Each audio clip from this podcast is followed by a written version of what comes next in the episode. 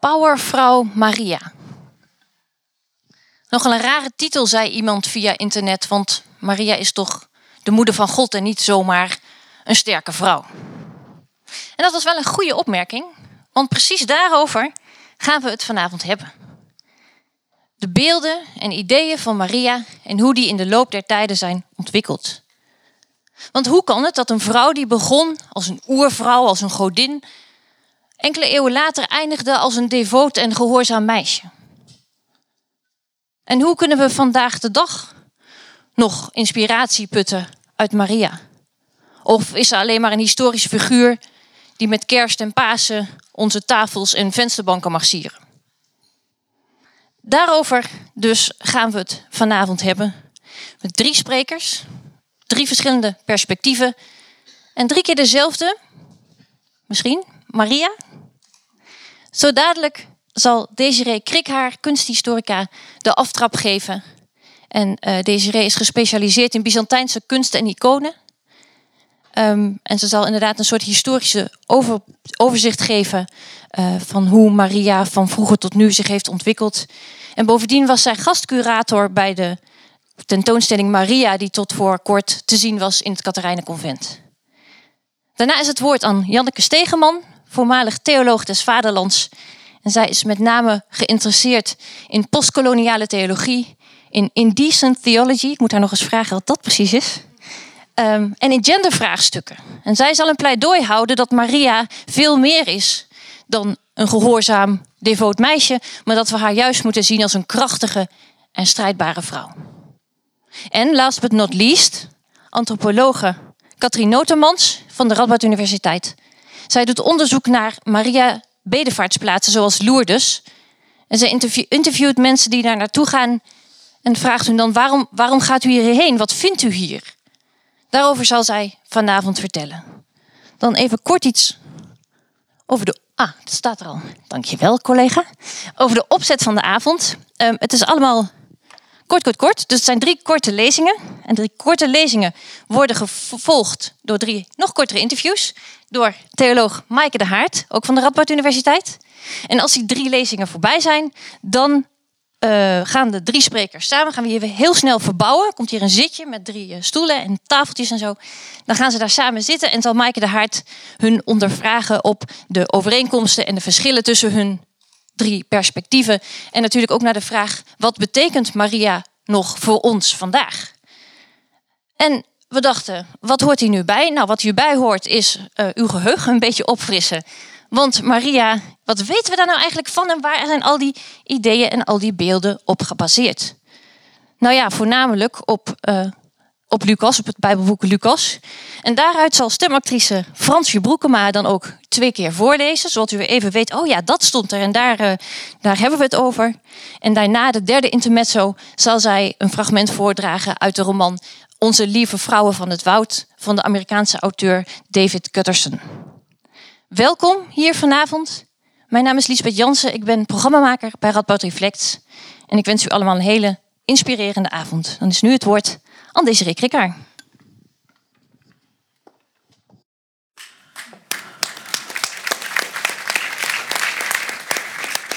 Dames en heren. Oeh. Ik mag u eh, heel kort in een soort vogelvlucht meenemen langs het leven van Maria en wie zij is, waar zij vandaan komt. Iedereen kent, denk ik, Maria. Maria, de moeder van Gods zoon. Een hele belangrijke vrouw voor het christendom. En toen dat christendom net is ontstaan, toen zijn er al beelden van Maria gemaakt. Alleen die waren nog nooit officieel. Die beelden van Maria die zijn pas van veel later datum. En um, die beeldtraditie is eigenlijk begonnen vanaf het jaar 431. In 431 is een groot concilie gehouden door de kerkelijke hoogwaardigheidsbekleders, omdat men wist dat er een belangrijke vrouw nodig was om Christus geboren te laten worden, zonder haar geen christendom. En die kerkelijke hoogwaardigheidsbekleders die kwamen bijeen in de stad. Nee, andere ding. Ja, in de stad Efeze, hier tegenwoordig bekend als een eh, belangrijke badplaats. Maar ehm, in de tijd dat de kerkelijke hoogwaardigheidsbekleders hier in 431 bijeenkwamen, was dit een gewezen plaats waar de godin Artemis, de belangrijke moedergodin Artemis werd vereerd. En deze Artemis, godin van vruchtbaarheid, van uh, de jacht, van vrouwelijkheid in al zijn uh, verschillende facetten, die had daar een grote tempel, de beroemde tempel van Artemis hier in reconstructie. Een tempel die uh, tot een van de wereldwonderen wordt gerekend. En hier in 431 is vastgesteld dat er een nieuwe visie moest komen, een nieuwe naam moest komen voor die moeder van de zoon van God. Want dat meisje, dat stond bekend als Maria. U zult dat straks ook horen. Zij wordt steeds aangesproken als Maria. Maar Maria was een algemene naam en Maria is niet onderscheidend genoeg. Dus de, uh, de kerk besloot om haar een nieuwe naam te geven. En die naam die luidde de baarster van God. Dan zult u denken, God heeft geen moeder nodig gehad. Nee, dat klopt. Maar bij eerdere concilies was al vastgesteld dat er een drie-eenheid was van Vader, Zoon en Heilige Geest. En dat die drie componenten van de Triniteit compleet uitwisselbaar waren. Dus de moeder van de zoon van God is tevens de moeder van God. Althans, zo mocht men dat dan uitdrukken. En die titel die werd al heel gauw in plaats van Theotokos, het Griekse woord voor de godbaarster, in de volksmond de moeder gods, de Mater Theou. En dat is ook de titel die zij tot op de dag van vandaag in de kerk en ook in de kunst draagt. Vanaf 431 zien we overal naast de moeder gods, bijvoorbeeld hier op een ivoor uit het Katerijnenconvent, die titulatuur staan, Mater Theou, de Griekse titel. En ook hier in Murano ziet u Mater Theou naast haar staan als aanduiding voor moeder gods. En die titel is ook onveranderlijk. Daar mag nooit aan getornd worden. Dus eigenlijk moeten we tot op de dag van vandaag nog spreken over moeder gods. Alleen wij in het Westen doen dat niet meer zo heel erg secuur. In 431 werd dus haar naam, haar officiële cultus zou je kunnen zeggen, geïnstalleerd. En direct na het beëindigen van het concilie is de beroemde kerk Santa Maria Maggiore gebouwd. De eerste officiële aan Maria gewijde kerk in Rome. En daar zien we ook de eerste beeldtraditie die we van Maria kennen. En daarvoor moet u kijken naar de triomfboog in die grote basilica. Op die triomfboog hier uh, aan de linkerzijde van ons uitgezien zijn de eerste officiële beeldenissen van Maria. En wat ziet u dan? Aan de bovenste, het bovenste plaatje ziet u de moeder Gods, Maria, zitten op een troon. Terwijl ze aan het spinnen is. Dat is een verhaal wat we kennen uit de apocryfe boeken. En uh, dan komt er een engel bij haar om te vertellen dat zij de moeder is voor het kind van God, dat zij de uitverkorene is. Daaronder ziet u haar nogmaals zitten, ook weer op een troon. En dan zit zij terzijde van een grote troon waarop de kleine Christus zit, die de drie magiërs, hier ziet u er één en daar twee, ontvangt met hun geschenken. Hier is de moeder Gods dus voor de eerste keer voorgesteld en de inspiratie voor dat beeld van Maria is gekomen uit het beeld van de wereldse keizerinnen. U moet zich voorstellen, die wereldse keizerinnen, dat waren dames met ongelooflijk veel uh, juwelen, met prachtige gewaden aan. De kostbaarste kleding, dat was kleding gemaakt van purper. En hier ziet u op het beroemde mozaïek in Ravenna, wat weliswaar van later datum is dan die in uh, de Santa Maria Maggiore, maar toch heel representatief is. Daar ziet u de keizerin, Theodora, eh, in purperen kledij. Dat purper dat was de duurste stof die er is, duurste kleurstof. En daar mocht ook de equivalent, zou je kunnen zeggen, de hemelse equivalent van de wereldse keizerin in gehuld worden. In purper of in goud. Twee kostbare stoffen die uh, eigenlijk alleen maar aan het goddelijke zijn voorbehouden. En dan denkt u misschien, zo'n keizerin, is dat dan ook een goddelijke persoon? Nee, maar de keizerin op aarde is de plaatsvervangster van de moeder gods, die in de hemel zit. En zo kun je natuurlijk terugredeneren door de moeder gods af te beelden als een ware keizerin. U ziet haar hier met een kroontje op haar hoofd met prachtige oorbellen, zoals ook de keizerin Theodora die draagt. Ze heeft een mooi versierde centuur om haar middel. Ze heeft uh, prachtige gouden schoentjes aan. Uh, eigenlijk compleet gemodelleerd, zou je kunnen zeggen, naar het beeld van de wereldse keizerin. Zo stelde men zich die moeder Gods voor, die natuurlijk niemand ooit in het echt gezien heeft. En u ziet haar hier op die vroegste voorstellingen ook tronen. Zij zit als een koningin op een troon. De troon is van nature uh, de zetel waar de Allerhoogste op mag zitten. Nou, de Allerhoogste is natuurlijk God zelf. Die zetelt ook op een troon. Dat weten we uit verschillende Bijbelboeken. Um, dat is ook weer geprojecteerd op Christus. En zo wordt dat ook geprojecteerd op de Moeder Gods. En die Moeder Gods op haar troon, die kunnen we weer terugvoeren op oude moedergodinnen. Want eigenlijk is de hele cultus van de Moeder Gods, ook al haar beschermtaken, afgeleid van de moedergodinnen, zoals die door de nou, millennia heen door de hele wereld werden vereerd. En hier ziet u een beeld van de Magna Mater, de allerbelangrijkste grote moeder, de oermoeder. En ook die zit op een troon. En die Magna Mater, u mag daar ook kiebelen voor in de plaats denken, of Rea of Gaia of wie u ook maar wil die heeft die macht te danken aan het feit dat ze op die troon zit met een voetenbankje onder haar voeten. Want iedereen van hoge kom af, goden, godinnen, dus ook de moeder Gods, ook Christus, ook God, die mogen niet met hun voeten op de grond komen. Dat is uh, het slijk der aarde, dat raak je niet aan als gewoon, uh, als, als hoog schepsel. Dus de moedergodin zit met haar voeten op een voetenbankje. Ze heeft een kroon op haar hoofd. En zo ziet u eigenlijk precies hetzelfde. Ook uh, dat vroege beeld van de Byzantijnse moeder gods, waarbij zij troont op een prachtige troon, een kussen onder haar. Um, ja, nou praat ik mezelf vast, onder haar billen, ik zal het dan maar zo noemen. Um, en uh, uh, dat, dat duidt natuurlijk ook op, op ja, het bijzondere, dat ze op, iets, op een verhogingje mag zitten. En uh, een voetenbankje onder haar voeten. Het Christuskind heeft ze hier op schoot. En het aardige is dat al die vroege afbeeldingen van die moeder Gods in het platte vlak waren. En pas veel later ontstaat een driedimensionaal beeld. Want hoe moet je nou het goddelijke van, ja, van wat je denkt dat je weet in een driedimensionaal beeld gieten. Dat heeft echt heel lang geduurd. En in de oost-christelijke wereld is het tot op de dag van vandaag nog steeds verboden om iconen bijvoorbeeld in driedimensionale vorm weer te geven. Maar in het Westen zijn we daar wel heel uh, trouw in geweest. We hebben wel in het Westen die driedimensionaliteit. En nog steeds is het zo dat er heel veel beelden zijn, christelijke beelden, religieuze beelden in het algemeen. En de oudste die we kennen van Maria, dat is deze, de Gouden Madonna van Essen. Eh, dat is het eerste driedimensionale tronende beeld van Maria. Met het Christuskind op haar schoot. En daar ziet u ook die enorme kracht, die macht, dat koningschap van die moeder. Eh, ze heeft namelijk een eh, wereldbolletje in de hand als symbool voor het koningschap over het hele heelal. Christus gaat die titel natuurlijk ook overnemen, de koning van het heelal. Dat koningschap is in de oost-christelijke wereld van groot belang. Ze is daar nooit van afgekomen, om het maar zo te zeggen. Zij is de meest verheven vrouw binnen de hele christelijke wereld.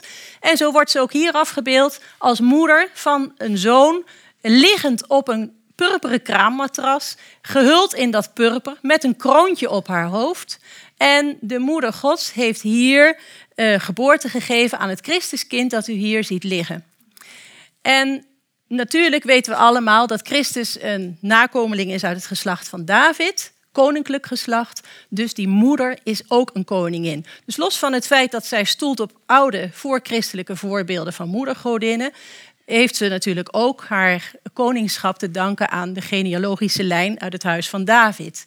En hier zien we die moeder dus als koningin liggen, zoals ook de wereldse koninginnen keizerinnen aan het hof uh, in de kraamkamer lagen. Die lagen in purper gehuld in een porfieren kamer in het paleis. in Constantinopel. En als ze daar een kindje kregen, dan wist men zeker dat het een kind was dat uit een koninklijk geslacht was geboren. En het was dan ook geen bastaard. Dus het vaderschap werd dan niet betwist. Nou, dat kunt u ook prachtig op de Moeder Gods uh, projecteren. Het vaderschap, de Heilige Geest, God. Ja, we weten het allemaal niet precies hoe het in elkaar steekt. Maar door haar zo af te beelden, is zij die machtige koningin die echt een kind heeft gekregen dat geen bastaard is. Christus kun je natuurlijk nooit een bastaard noemen. Um, dat purper dat heeft uh, tot op de dag van vandaag zijn sporen verdiend in de oost-christelijke wereld. Hier een icoon die u waarschijnlijk allemaal wel kent. Icoon met de moeder gods in purper gehuld. Drie sterren op haar kleed als, uh, als restanten van de keizerlijke insigne. Bijvoorbeeld de diadeem en de fibulae die het kleed van, uh, van iemand bij elkaar hielden. En die sterren die worden in de christelijke traditie door de kerkvaders uitgelegd als de drie sterren die staan voor de drie-eenheid in de moeder gods. De drie-eenheid, vader, zoon en heilige geest. Nu heeft ze hier zelf de zoon op haar arm, dus de zoon hoeft niet meer gesymboliseerd te worden door een ster. Daar is ook een enorme eh, belangrijkheid uit te ontlenen, hè, uit het feit dat zij de drie-eenheid in zich heeft. En dat beeld van die moeder, uh, op deze wijze voorgesteld in dat purperen gewaad als die koningin. Dat is ook naar het westen overgewaaid. Hier ziet u een Italiaans schilderij waar u eigenlijk nog al die iconenkenmerken in terugziet. Het purperen kleed, zelfs de sterren zijn hier door de Venetiaanse schilder overgenomen. Er staan ook nog lettertekens bij, namelijk de moeder gods. Ook dat werd door de Venetianen in het eerste begin ook overgenomen. En om u dat duidelijk te maken heb ik een beetje zitten knutselen achter de computer en heb ik de bovenkant van de icoon en de onderkant van het schilderij tegen elkaar gezet. En dan ziet u eigenlijk dat er helemaal geen verschil is. Dus die hele west-christelijke traditie van het beeld van de moeder gods, van Maria, die stoelt op de uh, oost-christelijke voorbeelden. Daar komt het ook vandaan. Hier ziet u die naamtekens met er TU. En die ziet u hier weliswaar heel vaag ook in de uh, rondels. Maar ja, dan wordt het ineens heel anders. In die 14e eeuw dan krijgen we een enorme omslag. Uh, sowieso zijn Oost en West uit elkaar gegroeid. Het Westen trekt zich niets meer aan van datgene wat in het Oosten allemaal bepaald is, per concilie of per gewoonte per traditie. En we zien dan dat uh, het purperen gewaad van de moeder gods plaatsmaakt voor blauw. Blauw, ook een hele kostbare kleurstof, namelijk lapis lazuli. Dat vervangt dat kostbare purper. Waarom vervalt het purper? Omdat wij hier in het Westen niet die Byzantijnse pracht en praal meer kennen. Wij, kennen, wij zijn niet meer vertrouwd uh, met de purperen kledij. En blauw staat bij ons voor de hemel, Maria, de koningin der hemelen. En dan past daar beter die kleur blauw bij dan dat purper. En het grappige is dat u hier zo'n vroeg uh, 14e Italiaans schilderij ziet, waarbij Maria ook een hele andere houding krijgt. Eh, ze kijkt wat lieflijk naar haar kind, terwijl in de vorige plaatjes ze echt heel afstandelijk is. En het kind begint met haar hoofddoek te spelen. En dat gaat in het Westen nog verder. Want bijvoorbeeld uh, de Grebber, die heeft een schilderij gemaakt waarvan wij zeggen, ja, dat is Maria met kind. Maar waarom weten we dat? Zij is dus een archetype, blijkt. Want wij herkennen hier een Maria met kind in, maar het kan net zo goed de buurvrouw zijn met een pasgeboren baby op de arm.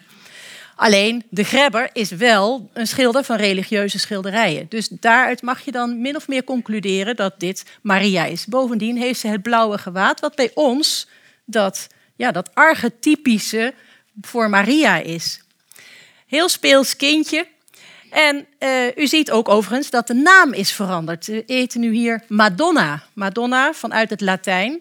Het Mater Theou komt natuurlijk, moeder gods komt vanuit het Grieks. Wij in het Westen spreken geen Grieks meer. De afstand is te groot, dus het wordt Madonna. Mea Donna, mijn moeder.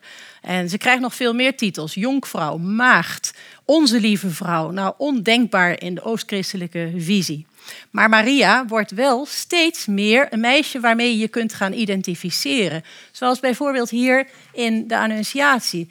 Um, zij is degene die zich nederig opstelt om het woord van God te ontvangen, letterlijk.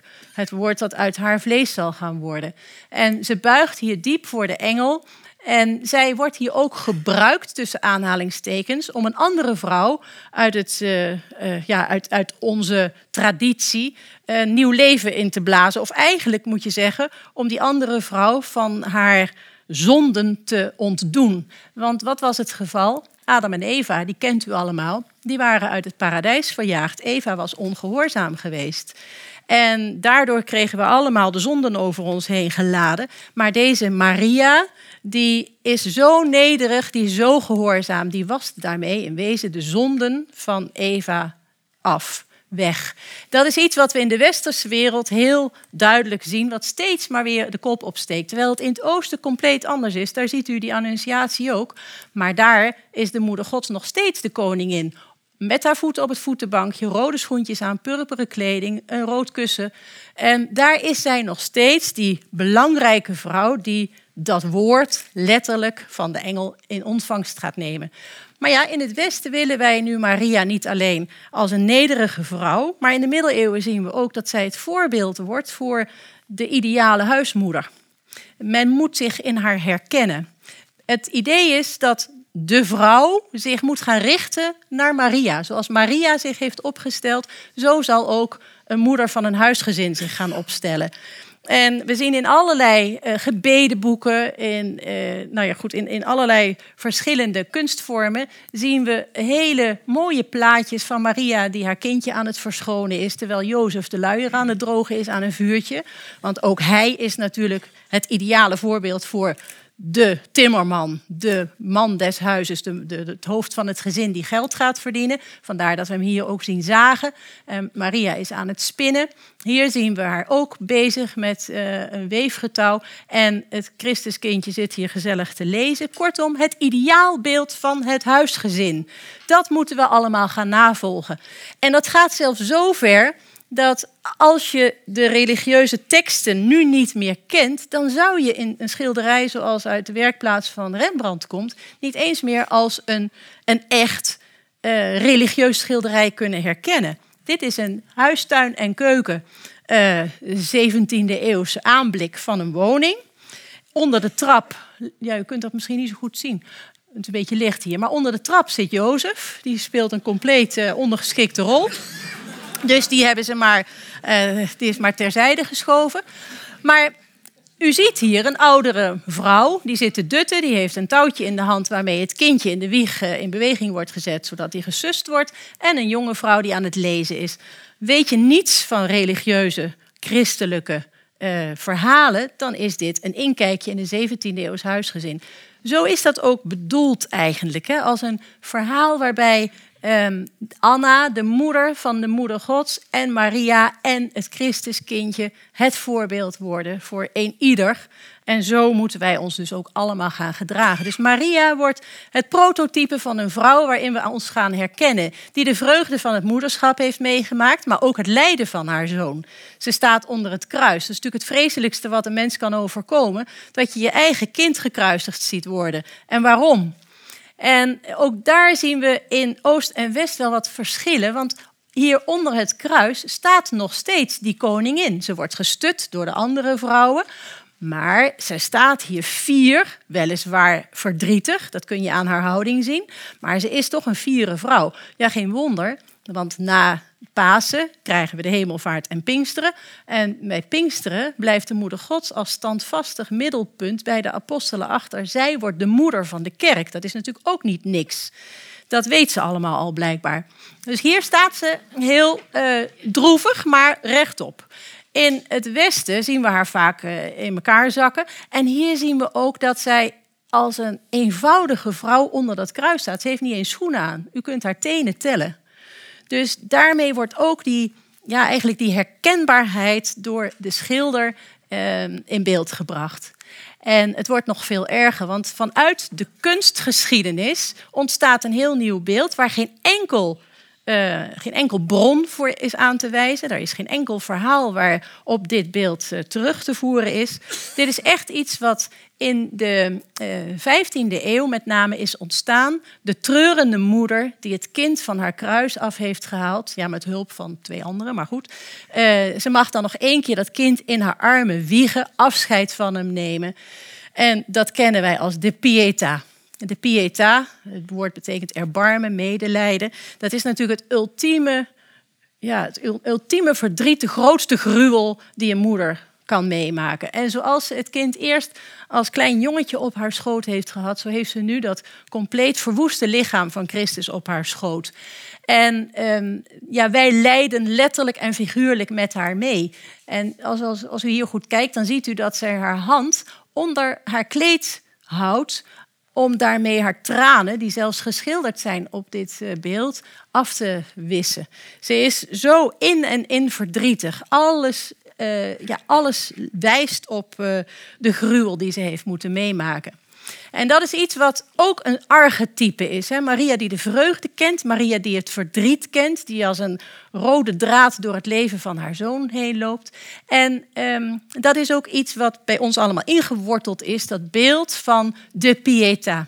En het is dan ook niet voor niets dat een Nederlandse kunstenaar, Klaas Kloosterboer, naar aanleiding van de daden in um, de Bataclan in Parijs en in het uh, Stade de France in Parijs, een uh, beeld heeft gemaakt waarin hij juist dat archetype van die treurende moeder heeft gebruikt om een compleet nieuw kunstwerk te maken. Een Pieta.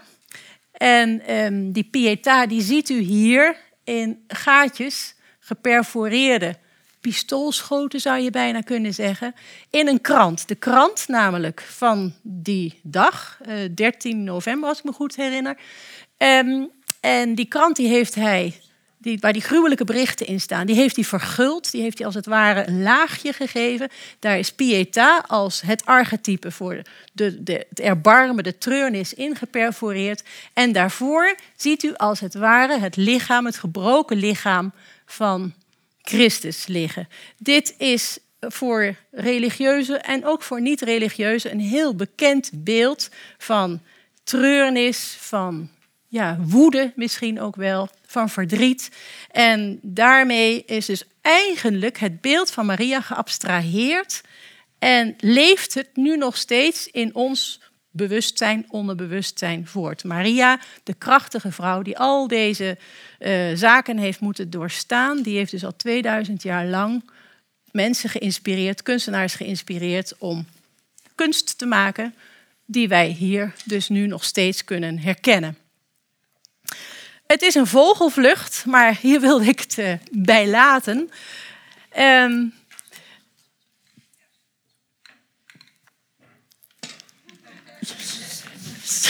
Dankjewel. Ja.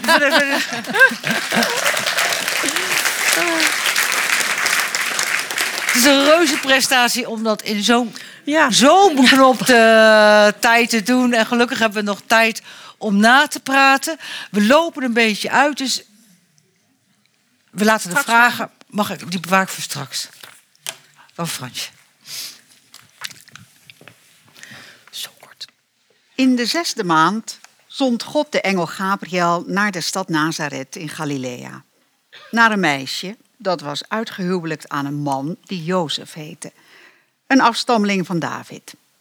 Het meisje heette Maria. Gabriel ging haar huis binnen en zei: Gegroet Maria, je bent begenadigd, de Heer is met je. Ze schrok hevig bij het horen van zijn woorden en vroeg zich af wat die begroeting te betekenen had. Maar de engel zei tegen haar: Wees niet bang, Maria. God heeft je zijn gunst geschonken. Luister. Je zult zwanger worden en een zoon baren. En je moet hem Jezus noemen. Hij zal een groot man worden en zoon van de Allerhoogste worden genoemd. En God, de Heer, zal hem de troon van zijn vader David geven. Tot in eeuwigheid zal hij koning zijn over het volk van Jacob. En aan zijn koningschap zal geen einde komen. Maria vroeg aan de engel: Hoe zal dat gebeuren? Ik, heb immers nog nooit gemeenschap met een man gehad. De engel antwoordde: De Heilige Geest zal over je komen. En de kracht van de Allerhoogste zal je als een schaduw bedekken. Daarom zal het kind dat geboren wordt heilig worden genoemd en zoon van God. Luister, ook je familielid Elisabeth is zwanger van een zoon, ondanks haar hoge leeftijd.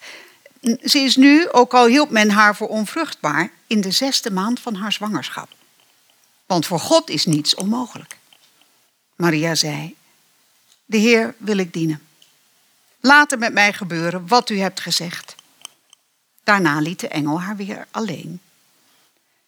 Kort daarop reisde Maria in grote haast naar het bergland, naar een stad in Juda, waar ze het huis van Zacharias binnenging en Elisabeth begroette. Toen Elisabeth de groet van Maria hoorde, sprong het kind op in haar schoot. Ze werd vervuld van de Heilige Geest en riep luid: De meest gezegende ben jij van alle vrouwen, en gezegend is de vrucht van je schoot. Ah, wie ben ik dat de moeder van mijn Heer naar mij toekomt? Toen ik je groet hoorde, sprong het kind van vreugde op in mijn schoot. Gelukkig is zij die geloofd heeft dat de woorden van de Heer in vervulling zullen gaan. Maria zei: Mijn ziel prijst en looft de Heer. Mijn hart juicht om God, mijn redder. Hij heeft oog gehad voor mij, zijn minste dienares. Alle geslachten zullen mij voortaan gelukkig prijzen. Ja, grote dingen heeft de Machtige voor mij gedaan. Heilig is zijn naam. Barmhartig is hij, van geslacht op geslacht, voor al wie hem vereert. Hij toont zijn macht en de kracht van zijn arm en drijft uiteen wie zich verheven wanen. Heersers stoot hij van hun troon en wie gering is, geeft hij aanzien. Wie honger heeft, overlaat hij met gaven, maar rijken stuurt hij weg met lege handen. Hij trekt zich het lot aan van Israël, zijn dienaar, zoals hij aan onze voorouders heeft beloofd. Hij herinnert zich zijn barmhartigheid jegens Abraham en zijn nageslacht, tot in eeuwigheid. Maria bleef ongeveer drie maanden bij haar en ging toen terug naar huis.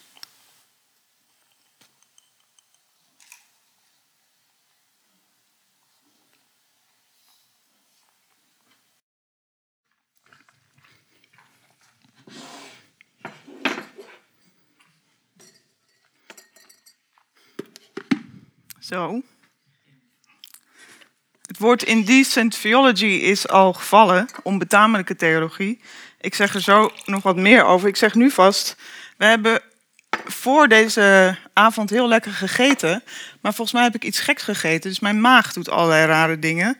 Dus als ik tijdens mijn verhaal iets geks doe, komt het daardoor. Maar dan is ook meteen het lichaam al genoemd. Dus onbetamelijke theologie gaat over uh, grenzen van fatsoen, waar we die leggen. En meestal zijn rommelende darmen en, en, en magen die gekke geluiden laten, die zitten, maken, zitten een beetje op de grens van het onfatsoenlijke. Goed. Goedenavond allemaal. Um, het is natuurlijk altijd zo, of ik heb al heel veel geleerd vanavond. Uh, Dank je wel. En ik heb onder andere geleerd, um, Maria viel natuurlijk al in een bedding, namelijk een bedding van keizerinnen en moedergodinnen. En ook in mij uh, viel Maria natuurlijk al in een bedding. Hoewel mijn kennismaking met Maria eigenlijk pas heel laat begon. Eigenlijk pas iets meer dan een jaar geleden, dat was in het Katerijnenconvent in Utrecht. Ik was daar een paar weken voordat ik daar een lezing zou houden over Maria, naar aanleiding van de Maria-tentoonstelling daar. En die tentoonstelling werd al opgebouwd, dus er was uh, allerlei beweging en gedoe. En er was ook een geluidsartiest die bezig was met om allerlei geluidsfragmenten uh, bij die tentoonstelling te maken. En die vroeg, um, wil jij niet even hier achter deze microfoon komen zitten en een weesige groet lezen? Want dan kunnen we dat laten horen bij de tentoonstelling. Even later zat ik achter een microfoon.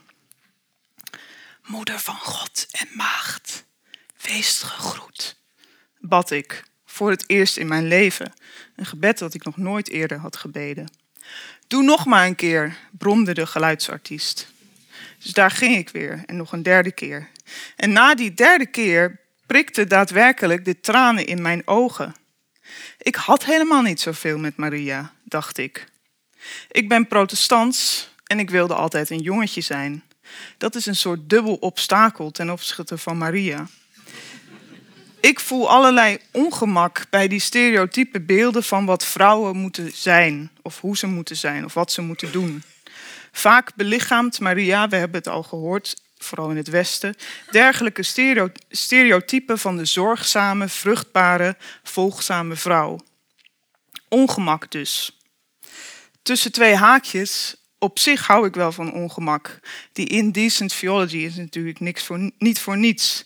Waar ongemak zit, zit ook potentie van groei. Dus op zich juich ik het toe. Ik wil het dan ook over het lichaam van Maria hebben. Dat is natuurlijk ongelooflijk nadrukkelijk aanwezig. Maria wordt zwanger, Maria baart een kind. Bovendien is Maria de meest afgebeelde vrouw ter wereld. Nou is het meestal het probleem bij vrouwen niet zozeer dat ze niet worden afgebeeld, maar juist eerder dat ze niet worden gequote. Er zit tenslotte wel wat ruimte tussen afgebeeld worden en daadwerkelijk ook zeggenschap hebben over jezelf, over je lichaam, over de manier waarop je wordt afgebeeld, over hoe je wordt ter sprake gebracht. Hoe aards, lijfelijk, seksueel, sensueel, uitgesproken, agressief, opruiend mag Maria zijn? Of is ze? En ook, hoe hangen haar woorden samen met de manier waarop haar lichaam alsmaar wordt afgebeeld? Waar is haar inhoud gebleven? Waar zijn haar woorden? In de woorden van bevrijdingstheologe Marcella Oldhouse Reed is Maria typisch zo'n meisje dat ja zegt tegen de eerste man die aardig tegen haar is. In haar geval is dat toevallig een engel. Maar is dat eigenlijk zo? Is dat nou het enige beeld van Maria wat we tegenkomen? Wat is Maria eigenlijk allemaal kwijtgeraakt? En wat zijn wij, of in ieder geval wat ben ik kwijtgeraakt door dat veilige, keurige, brave beeld van Maria dat me eigenlijk zo dwars zit? In welke grote, dwingende verhalen zitten Maria en wij klem? Dus ik ga in de komende tien minuten uh, drie thema's langs uh, waar Maria volgens mij iets kwijt is geraakt. Dat is ten eerste seksualiteit, sensualiteit, dan zeggenschap, stem en tot slot, last but not least, agressie.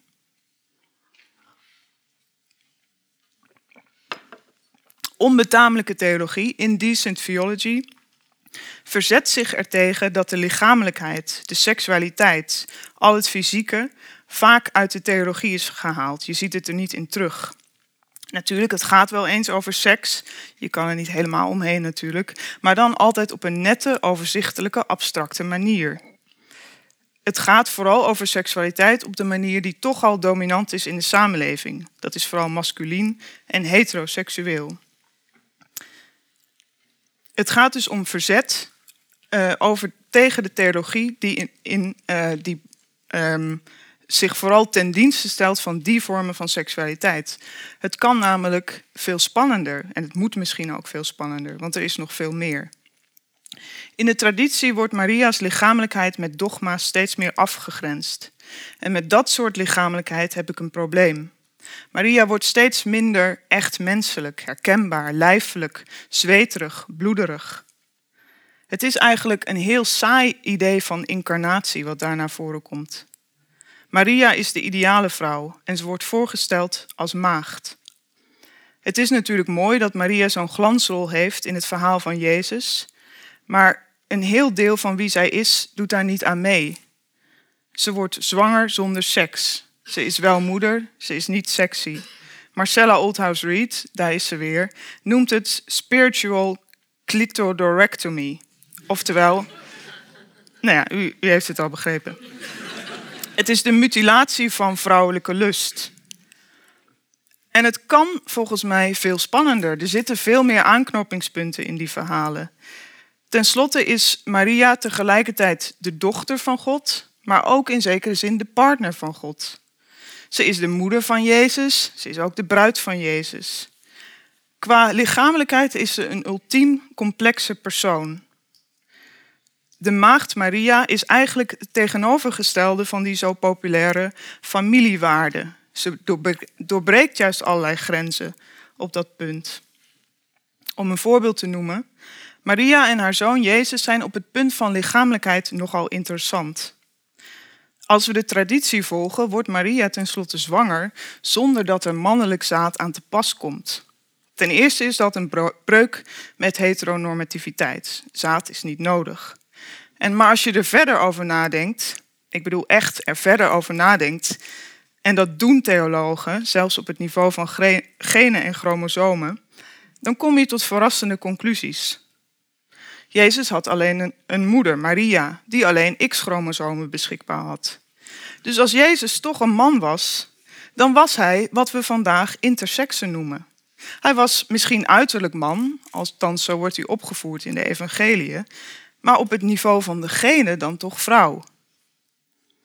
Misschien kijkt u nu een beetje bedenkelijk en denkt u, ja, is dat nou niet een beetje kunstmatig? Ga, ga je nou niet een beetje ver? Maar eigenlijk gaat het me niet eens om wat feitelijk waar is. Het gaat me veel meer om de manier waarop wij, zoals we hier zitten, zoals ik hier sta, naar lichamen kijken. Naar onze eigen lichamen, naar zogenaamde heilige lichamen, naar elkaars lichamen. Het gaat me om de vragen die we wel durven stellen en de vragen die we niet durven stellen. De verhalen die we wel vertellen en de verhalen die we liever verzwijgen. Ik ben Bijbelwetenschapper en ik kijk zowel naar wat er verdwijnt door de manier waarop wij naar Bijbelse verhalen kijken, als ook naar wat er niet staat in die verhalen en wat er achter de tekst te, lezen, te vinden is. En ook naar wat er vervolgens buiten de tekst gebeurt. In dit geval het afterlife van de tekst en van Maria. Het gaat me niet om haar ware gestalte. Ten slotte, ik die niet eens precies weet wie ik zelf ben, hoe zou ik weten wie Maria precies is? Daarom deze afbeelding. Ik weet ook niet hoe dit werkt. Oh, het is andersom. Ah, uh, wie zit iets bijzonders?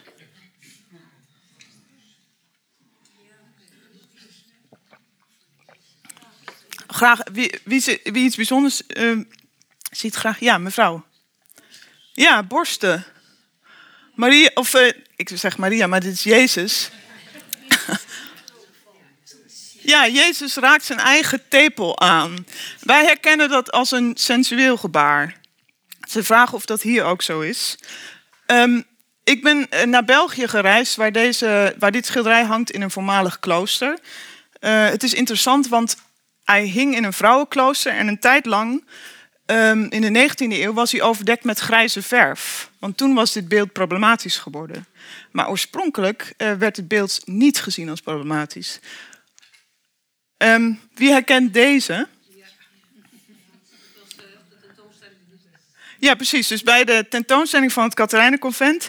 Dit was de aankondiging um, van de Maria-tentoonstelling. Had u speciale gevoelens hierbij misschien? Een mooi beeld, ja. Uh, het is ook een mooi beeld.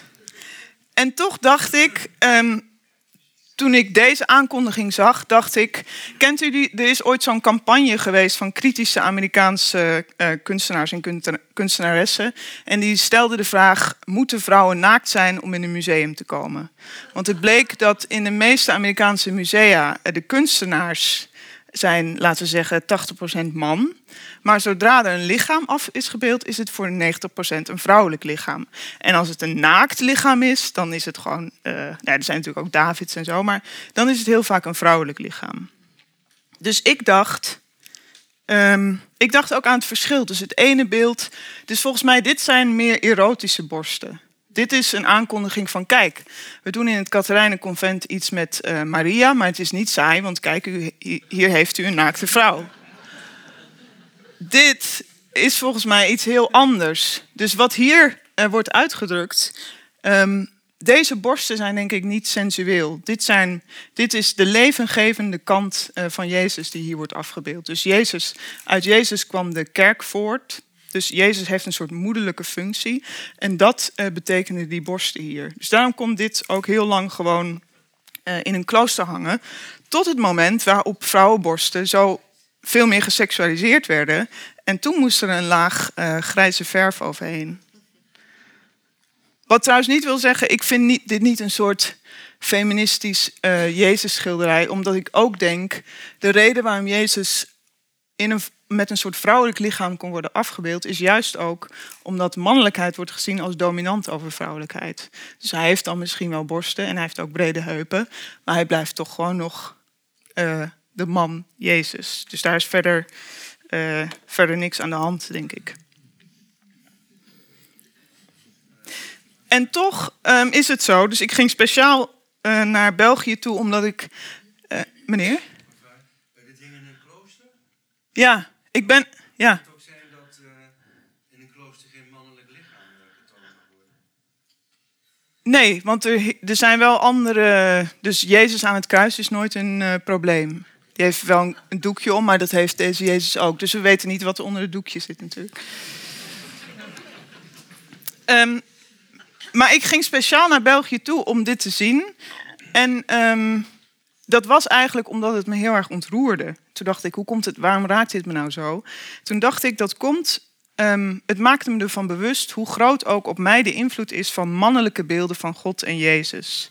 Dus dat ook ik, uh, terwijl ik me laat voorstaan uh, op feminisme en al dat soort dingen, um, dat, het, dat de associatie van mannelijkheid en God zo sterk is dat dit voelt als, oh wacht eens even, borsten, uh, heupen. En dat is Jezus, dat dat een soort ja, een beeld is denk ik ook sterker dan woorden. Dus het bracht iets in me teweeg. Ook, ook een soort denkproces. En dan heb ik nog één afbeelding.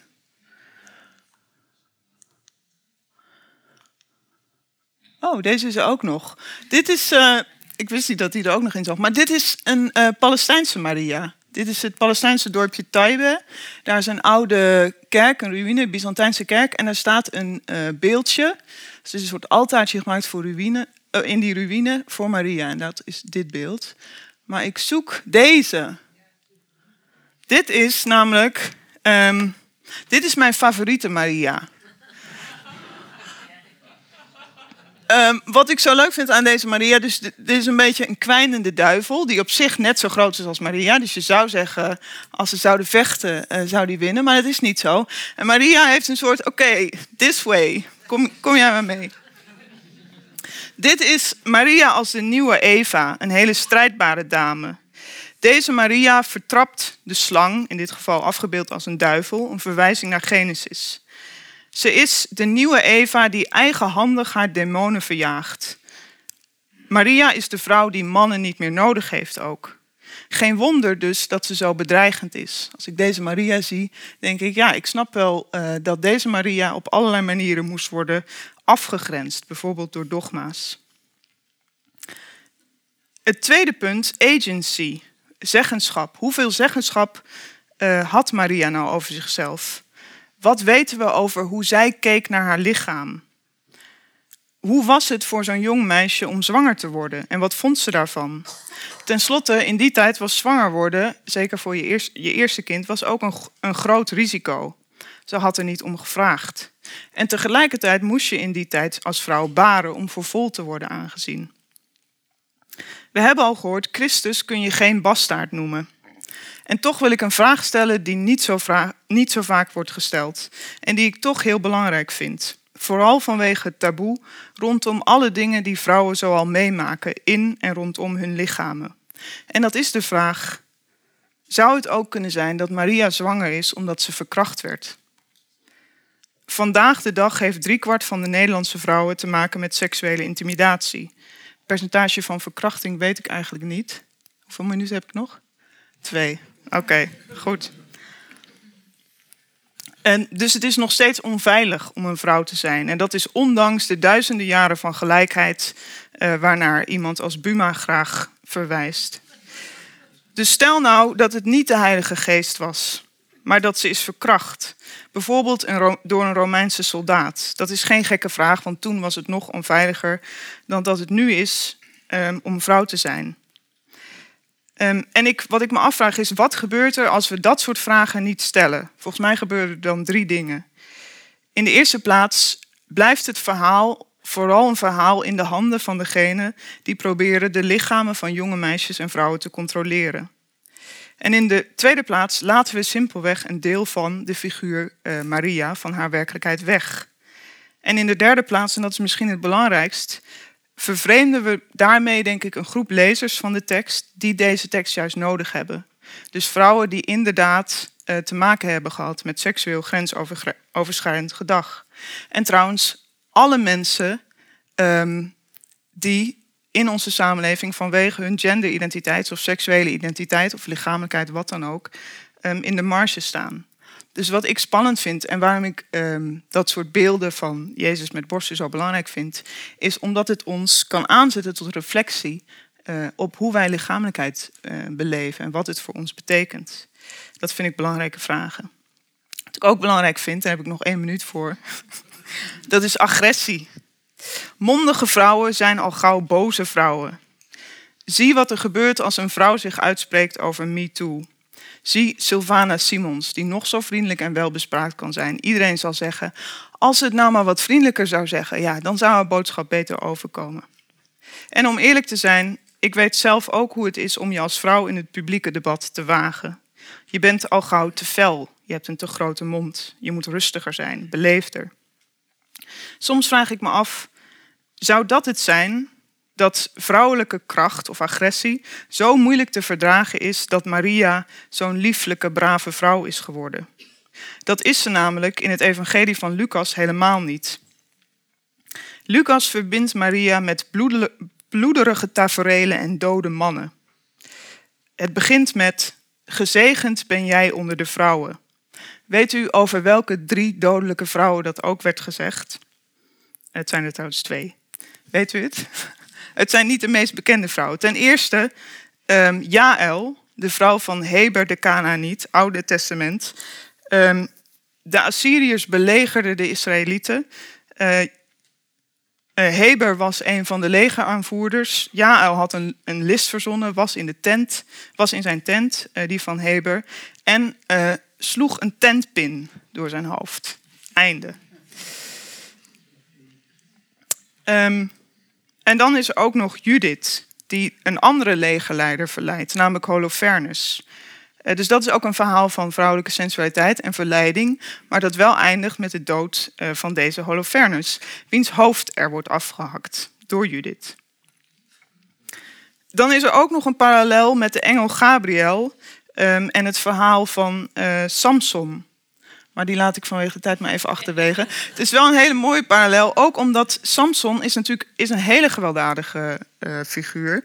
Ik ken een Palestijnse theoloog die hem noemt als uh, de eerste zelfmoordterrorist. Wat natuurlijk ook zo is, want op een gegeven moment duwt hij die uh, kolom om in die tempel en dan zijn al die mensen dood. Al die Filistijnen dood zijn dat. Um, geen wonder dus dat het Magnificat, het lied van Maria dat ze zingt als ze Elisabeth ontmoet en dat we al hebben gehoord, dat het zo'n revolutionaire tekst is. Zoals wel vaker zijn wij het vooral die dat niet meer horen. Wij hebben de tekst veilig gemaakt, hemels en onaards, op mooie muziek gezet. Maar het Magnificat is veel eerder een strijdlied. Dat past bij de ook wel wat ongemakkelijke, gewelddadige traditie waarin Maria kan worden begrepen. Dus tot slot, wie is Maria vandaag? Is zij de vrouw die alles ander, anders wil? Is zij eerder ultra-rechts of eerder ultra-links? Iemand die alles anders wil?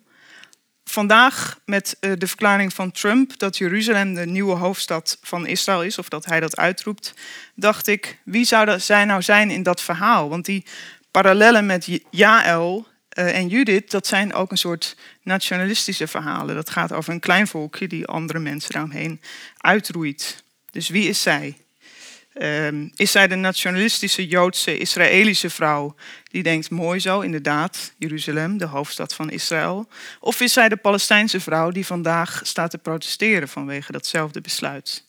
Ik laat jullie achter uh, met deze vraag. Dank jullie wel.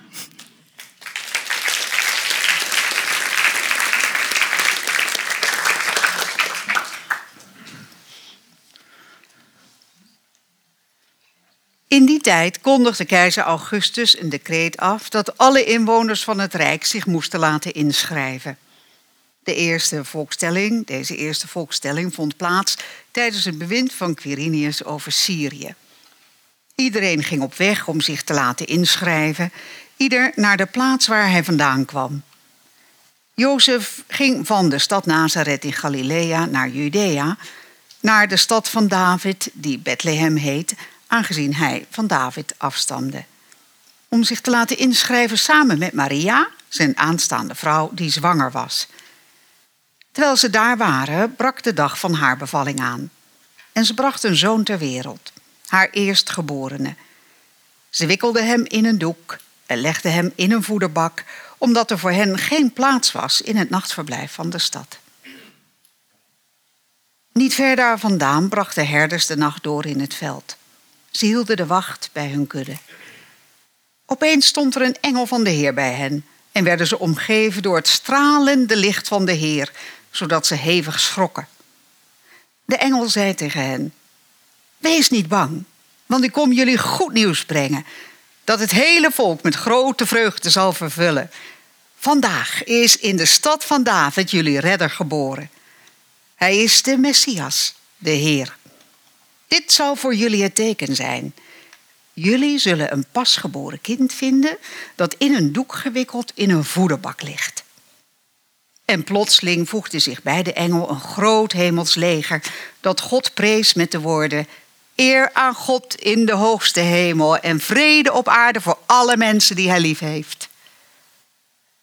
Toen de engelen waren teruggegaan naar de hemel, zeiden de herders tegen elkaar: Laten we naar Bethlehem gaan, om met eigen ogen te zien wat er gebeurd is en wat de Heer ons bekend heeft gemaakt.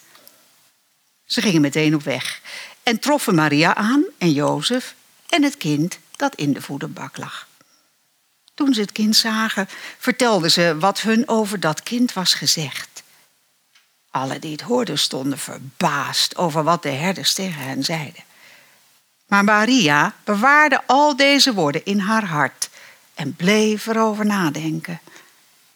De herders gingen terug, terwijl ze God loofden en prezen om alles wat ze gehoord en gezien hadden, precies zoals het hun was gezegd. Toen er acht dagen verstreken waren en hij besneden zou worden, kreeg hij de naam Jezus, die de engel had genoemd, nog voordat hij in de schoot van zijn moeder was ontvangen.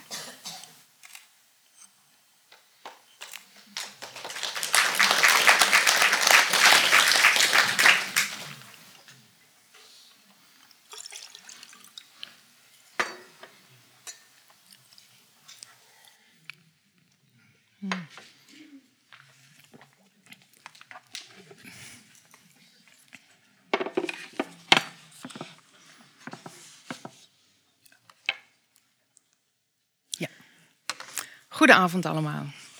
Het beeld van Maria als powervrouw is een beeld waar ik absoluut niet aan twijfel. Want dat is het beeld wat de vrouwen met wie ik onderzoek heb, heb gedaan mij voortdurend over hebben verteld. Ik heb het over powervrouw Maria on the move. Van Lourdes naar Afrika en weer terug naar huis. Als cultureel antropoloog heb ik mij lange tijd bezig gehouden met Maria. In mijn zoektocht naar de betekenis die Maria voor mensen heeft, stond de volgende vraag centraal. Hoe komt het dat in de hedendaagse samenleving, hedendaagse seculiere samenleving, waarin kerken leeglopen en worden omgebouwd tot restaurants, boekwinkels, appartementen, Maria haar grote aantrekkingskracht behoudt? Haar pelgrimsorde blijven grote aantallen bezoekers trekken. En ze blijft aan mensen verschijnen, waardoor ook steeds weer nieuwe pelgrimsorden ontstaan. Afgelopen oktober verscheen ze nog in Cochin, in Zuid-India, aan katholieke en hindoe schoolmeisjes.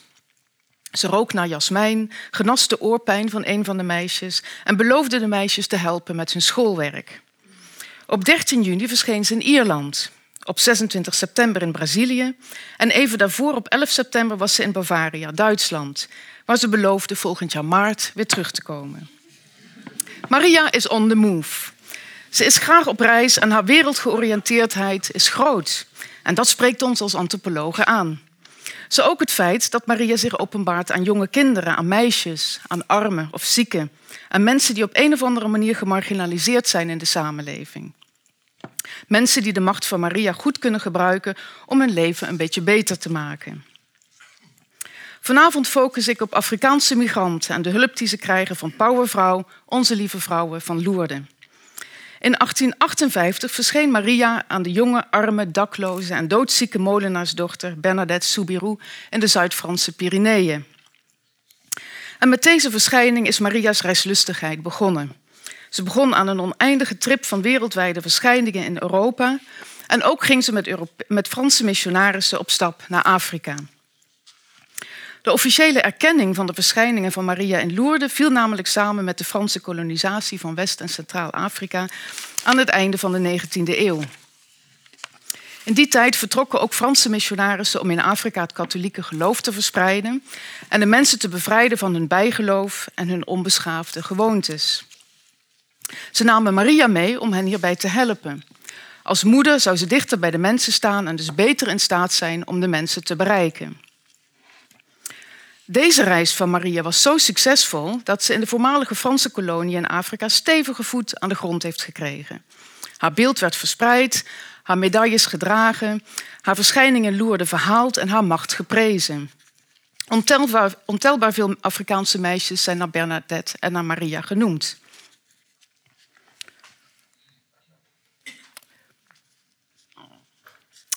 Met haar migratie naar Afrika heeft de witte, serene en kinderloze Maria zich aangepast aan de omgeving. Ze integreerde in de Afrikaanse samenleving en werd een moeder met een donkere huidskleur. Naast deze lokale Afrikaanse verschijningen bleef Maria's witte Europese beeltenis ook van betekenis. Deze foto's heb ik gemaakt in en nabij de kathedraal in de Guinese hoofdstad Conakry in West-Afrika.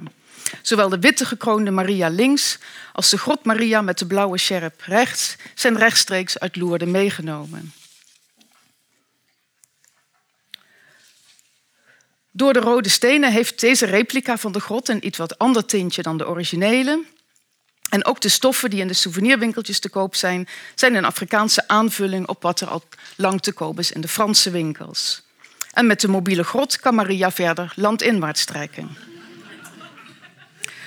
Terwijl Maria steeds verder Afrika inreist, brengt ze tegenwoordig ook een nieuwe stroom reizigers op gang. En dat zijn de Afrikaanse pelgrims die van jongs af aan met onze lieve vrouwen van Lourdes zijn opgegroeid en nu op hun beurt Maria thuis willen opzoeken. Ze gaan terug naar Maria's roots in Lourdes, haar thuisbasis in de Franse Pyreneeën. Hier zien we een groep pelgrims in Lourdes, afkomstig uit Ivoorkust, poserend voor een foto, voor een, voor een foto poserend voor het gekroonde Mariabeeld op de Esplanade. U ziet 35 pelgrims, onder wie 26 vrouwen en 9 mannen. De man rechts heeft een levensgrote kaars vast die na dit fotomoment als gift aan Maria geschonken zal worden. Van jongs af aan horen we loerde, loerde, loerde, zeiden de pelgrims. Als we naar Europa reizen, is het daarom ook onze eerste wens om Maria hier in Lourdes te bezoeken. Hier is waar alles begon, hier is haar kracht het grootst. Behalve deze pelgrims uit Afrika kwam ik in Lourdes ook veel Afrikaanse pelgrims tegen, vooral vrouwen, die als migrant in Parijs wonen.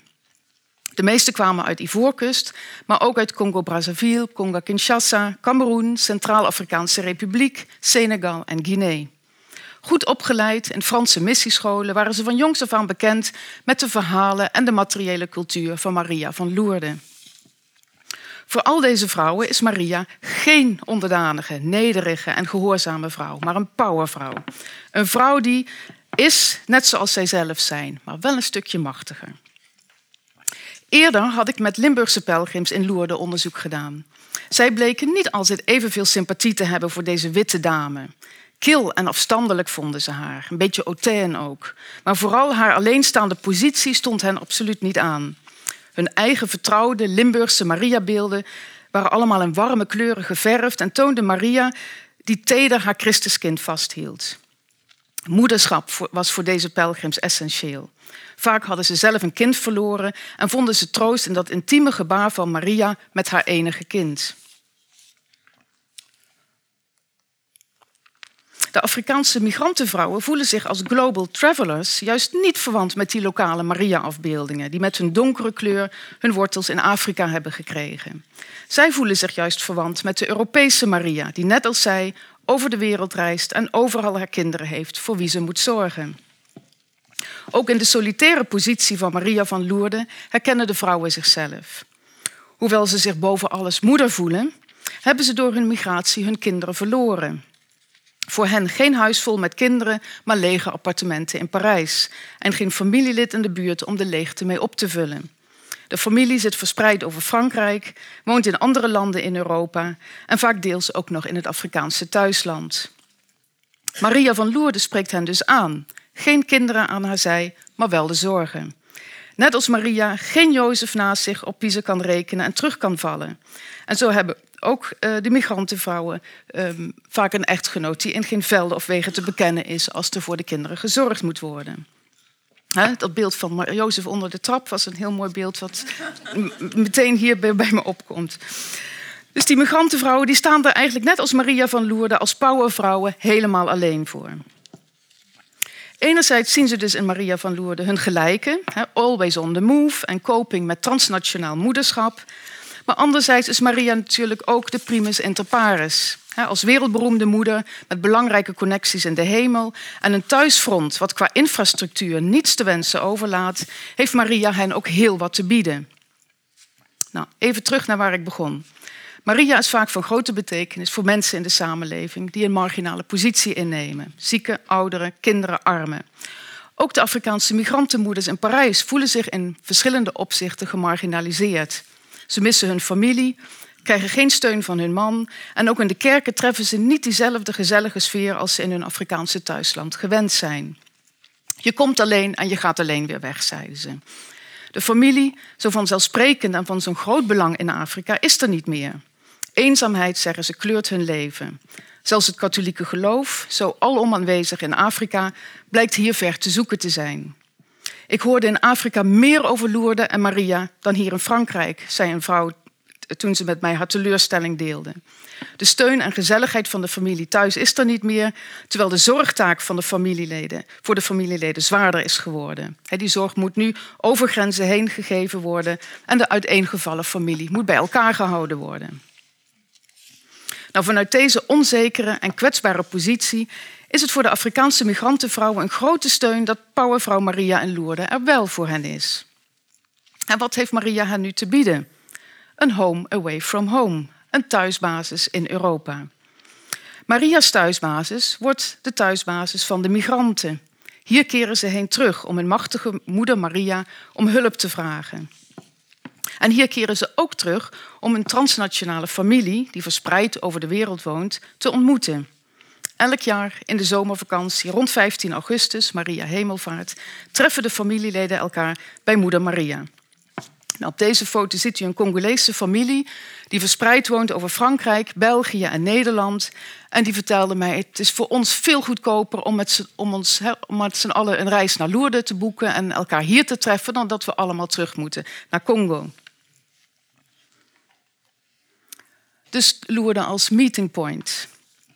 Deze dia toont ook drie zussen die elkaar jaarlijks treffen in Lourdes. Ze zijn alle drie geboren in Ivoorkust. Alleen de vrouw rechts op de foto woont daar nog. De, vrouw links op de foto woont in Parijs en de middelste in Ghana.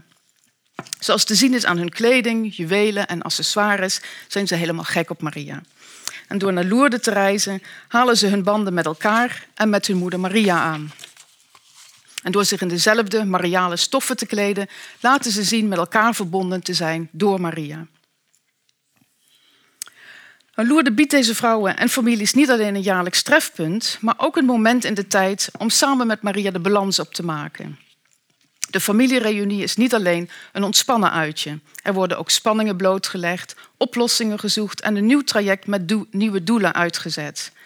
Dus op 15 augustus, de dag dat Maria Hemelvaart wordt gevierd, eindigt voor deze migranten het religieuze kalenderjaar en begint het nieuwe jaar.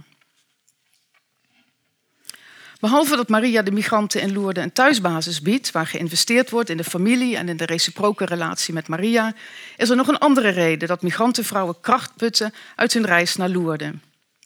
Hun vrouw zijn en hun gender spelen hierbij een belangrijke rol. Hun zorgtaak is met hun migratie verzwaard, terwijl ze van hun echtgenoot dus geen of weinig steun krijgen. Steun en begrip kunnen ze als vrouwen beter onder elkaar en bij Maria zoeken. Maria is net als wij, een vrouw en een moeder, zeiden ze. Zij begrijpt ons. Moeders houden onvoorwaardelijk van hun kinderen, zeiden ze.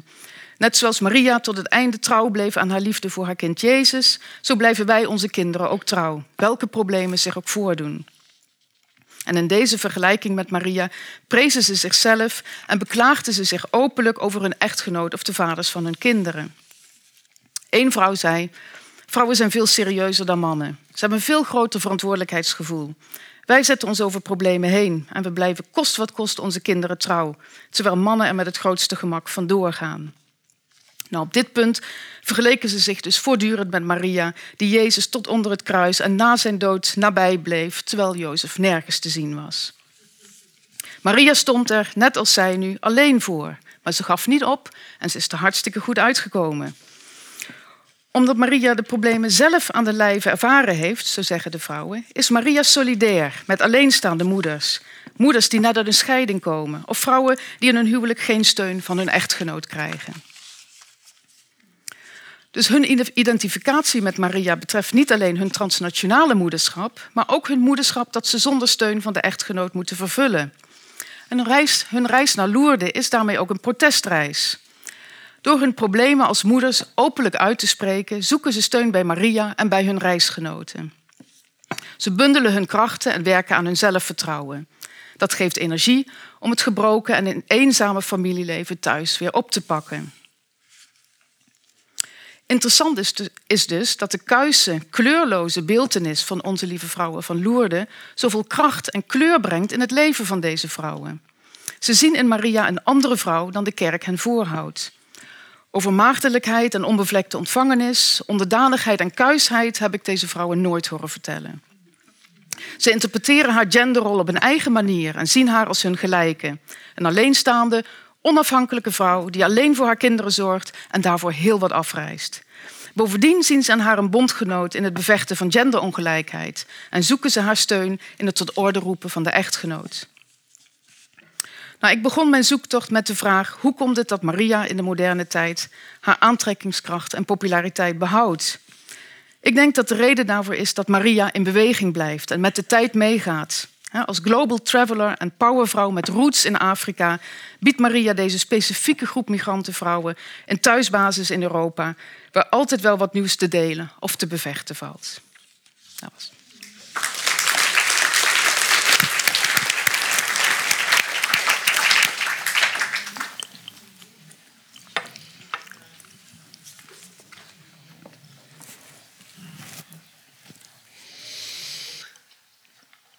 De zieneres knielde op een bed van mos, met de capuchon strak onder gezicht getrokken en de rozenkrans in haar handen geklemd. De meeste pelgrims knielden nu ook. En een van hen las met elegant bevende stem plechtig voor uit het boek Handelingen. En het zal zijn in de laatste dagen, zegt God, dat ik zal uitstorten van mijn geest op alle vlees. En uw zonen en uw dochters zullen profeteren. En uw jongelingen zullen gezichten zien. En uw ouden zullen dromen dromen. Een andere pelgrim ontstak een kaars en smeekte: Spiegel der rechtvaardigheid, vat van eer, hoog eerwaarde maagd, beroemdste maagd, neem alle zonde weg de priester hoorde de halfblinde weduwe ook. Were we led all that way for birth or death? En zag dat haar handen gevouwen waren in gebed, terwijl ze T.S. Eliot reciteerde. De extase van de zieneres begon pas echt onder deze aanmoedigingen. De verzamelde aanwezigen werden geleidelijk stil en ook de priester liet zich op zijn knieën vallen, omdat hij het gevoel had dat hij al te nadrukkelijk opviel. Hij merkte op dat Anne in vervoering nog kleiner leek dan anders, met haar capuchon als een monnikskap strak om haar hoofd. Ze leunde onder een onnatuurlijke hoek voorover. Haar ogen waren op de boomtoppen gericht, haar handen ineengeklemd, wanhopig smekend. En hij probeerde dat beeld in zijn geheugen te prenten, aangezien hij er nu door dit tafereel van overtuigd was dat hij onvermijdelijk een rol zou moeten spelen in de verwerking van dit schouwspel. Dat dit een verschijning zou worden. Compleet met onderzoek en hysterie. Een verschijning die hij niet uit de weg zou kunnen gaan, waaraan hij niet zou kunnen ontkomen. Toen ze voorover viel, riep iemand: Vrouwen van de Heilige Rozenkrans, zegen heden onze harten. Maar niemand anders nam die kreet over of vond het gepast opnieuw te gaan roepen. En er viel opnieuw een stilte, terwijl de zieneres als een hoopje achtergelaten kinderkleren op de vochtige grond lag. Niemand deed iets, zelfs niet de priester. Die moest toegeven dat ook hij gefascineerd was en dat hij het gevoel had dat hij aanwezig was bij iets heiligs. Toen de zieneres opstond en zich naar de mensen wendde, viel hem opnieuw op hoe klein ze was. En een klein kind zal hen hoeden, dacht hij. Ze zag er nu duidelijk koortsig uit, ziek, iemand die in bed thuis hoorde.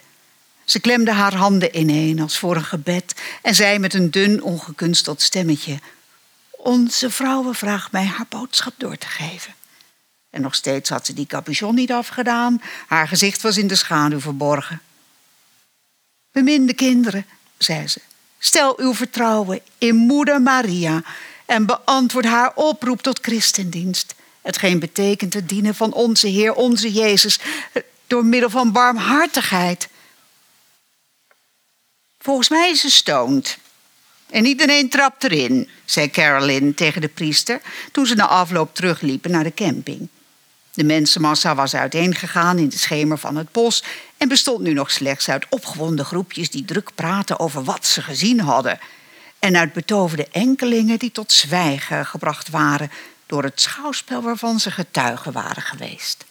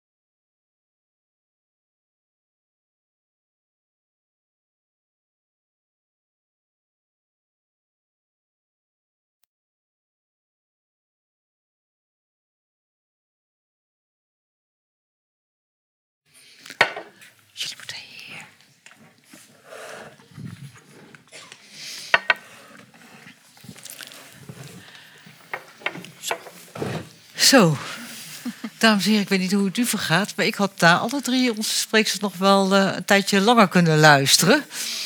Ehm, maar die tijd is er niet. Dus we gaan eens kijken of we een antwoord kunnen krijgen uh, op vragen die ons nog uh, resten, zeg maar, die, naar deze, en, en op de vraag die aan, aan deze, deze avond ten grond ligt: van betekent Maria ook nu nog iets? Ik wil beginnen eigenlijk met jullie alle drie uh, niet alleen te bedanken voor voor jullie mooie inleidingen, die ook zo verschillend zijn. Uh, dat, je, dat dat alleen al een voorbeeld is van de enorme veelheid aan beelden en interpretaties die er van Maria te geven zijn. Um, ik zou Desiree Krikhaar willen vragen. Uh, als, gewoon maar om het ook wat open te krijgen. En jullie mogen er ook zeker op aansluiten en daarop reageren dat jij, jij legt in het begin heel erg de nadruk op moeder gods. Hè? En, en zeg maar die, die keizerlijke uh, godinnenbeelden die aan, het, aan die hele iconografie van Maria ten grondslag ligt. En in de ontwikkelingslijn die je schetste, uh, benoemde je eigenlijk twee archetypes. Dus de, de, de, moeder met het kind en de pieta. Die je op een bepaalde manier heel ver weg lijken van dat keizerlijke uh, godinnenbeeld waar het allemaal mee begon.